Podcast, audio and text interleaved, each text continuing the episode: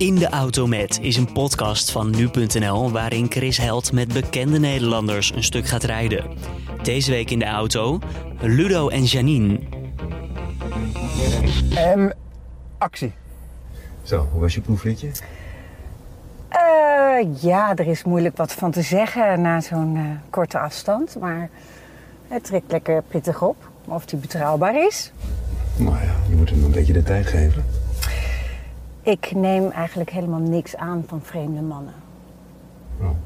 Maar dat is ook niet de bedoeling dat je meteen... Nee, nee, nee, nee, nee, natuurlijk niet. Oh, trouwens, het onbeleefd van me. Ja. Mijn naam is Ludo. Ludo Sanders. Wie anders? Janine Elschot. Maar dat wist je al. Moet je zeggen, gestopt. Gestopt. Oké. Maar jullie weten... Staat hij erop? Ja, ook, ook voor altijd in mijn geheugen. Jullie, want ik was, ik was, ik, ik, ik was Goede Tijden fan.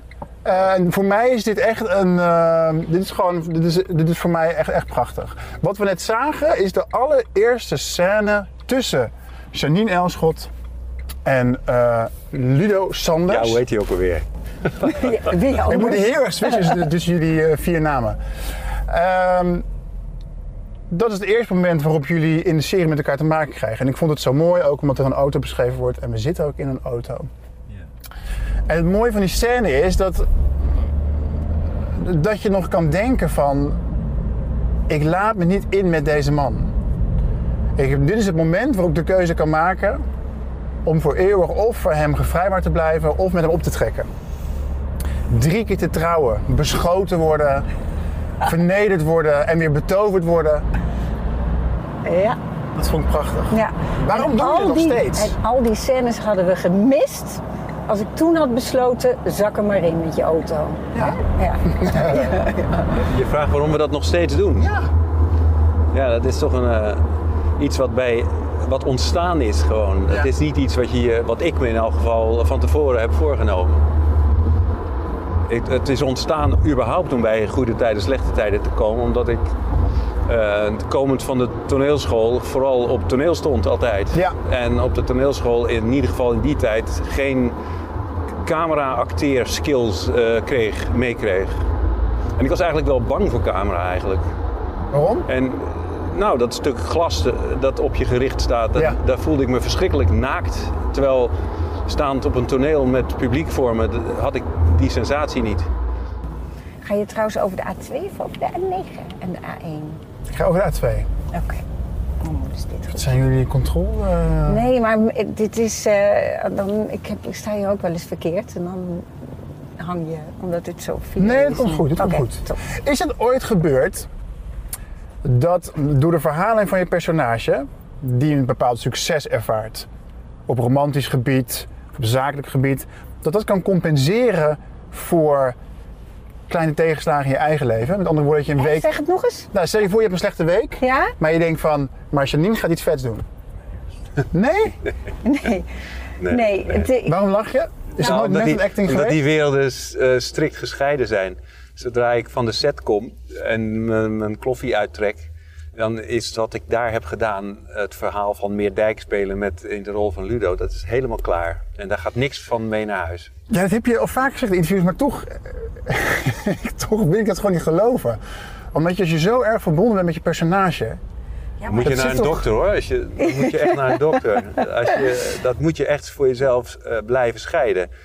Je moet daar niet dermate in gaan geloven dat je je ermee vereen- vereenzelvigt dat het je eigen leven overneemt. Nou, het, het zegt wel heel veel dat heel veel mensen hier- eigenlijk hierover beginnen. En, en de, de, de, de, meest vergelegen exponent daarvan is de vraag of wij elkaar thuis soms ook per ongeluk Ludo en Janine noemen. Ja, maar dat vind ik een Dus kneuterige dat- vraag. ja. Ik bedoel echt meer, Ja. er zijn toch vast probleemstellingen in je leven waarvan je denkt, ik speel bijna dagelijks een personage. Ja. Hoe zou die persoon dat oplossen? Misschien is het niet bewust denkt, maar toch denkt, misschien denkt voor twee. Nou, het is, het is het grote verschil, denk ik, dat als je er als kijker naar kijkt, dan beleef je dat mee. Dan zie je het als echt, voor een groot deel. Maar als als persoon, ik, Carolien, op de set, sta tegenover eh, een hele batterij, een camera met hengelaars, dingen. Dus je kan, je, je kan bijna niet mee in die fictie, want Nee. je, zit, je bent zo erg aan het spelen, aan het Ja. werk. Hey, toen jullie begonnen, jullie begonnen in een tijd die, die veel langzamer was dan nu. Dan heb ik het over sociale media, bla bla bla. Jullie hebben in, de laatste, of in het laatste decennium natuurlijk veel collega's, jonge collega's gezien, waarvoor goede tijden een soort springplank was. Vonden ze ook hoor, eigenlijk. Voor jullie ook, absoluut. Maar misschien in een minder tempo. Jullie hebben natuurlijk ook. Daar doen we er wel heel lang over. Ja. Nee, maar toch, ik bedoel, de weg om een ster te worden, even ongeacht de levensduur van die ster, Ja. is eh, veel korter geworden. Kijken jullie wel eens met jaloezie op? Op zulke collega's die dan komen, twee jaar spelen en dan. Nee, ik bekijk het vanuit het vak. Als het, je, als het je ambitie is om een ster te worden, ongeacht wat je doet, dat heeft niks met, met mijn, heeft geen raakvlakken met mijn werk. Nee. Ik doe mijn werk omdat ik eh, acteren fijn vind en Ja. daarvoor geschoold ben. En ik, het, het, eh, het effect van het werken, in dit geval bij goede tijden, Ja. mocht je van alles noemen, bekend, eh, eh, geliefd, eh, verguisd of, of ster. Eh, daar, daar, dat is bij, bijzaak. Daar, daar is het niet om te doen. Dus het hangt maar vanaf wat je focus is. Ik ben niet jaloers op degene die eh, om een ster te worden goede tijden misbruiken om een, als eh, springplank. Is het verslavend? De, het werken bij goede tijden? Het spelen. De bekendheid en de impact die je hebt vergaard Nee, door het zo langer spelen. Bekendheid is niet... De impact dan? Ik ben Dat, opgegroeid dat, met weet, jullie. dat weet ik pas als ik, als ik stop, denk ik. Ben je daar soms nieuwsgierig naar?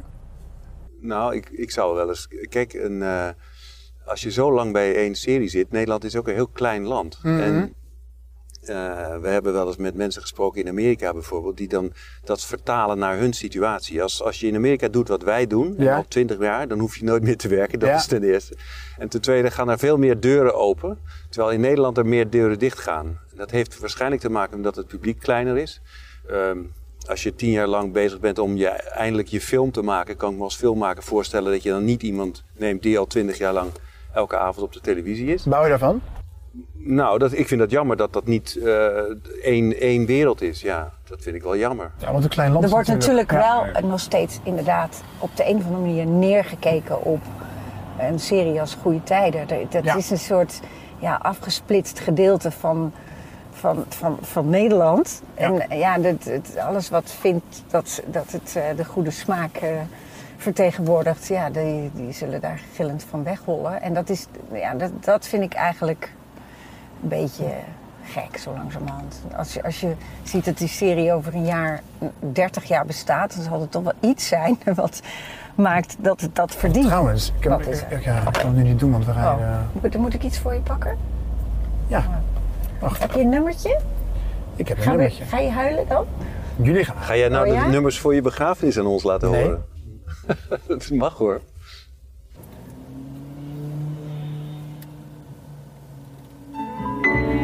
Oh god, ja.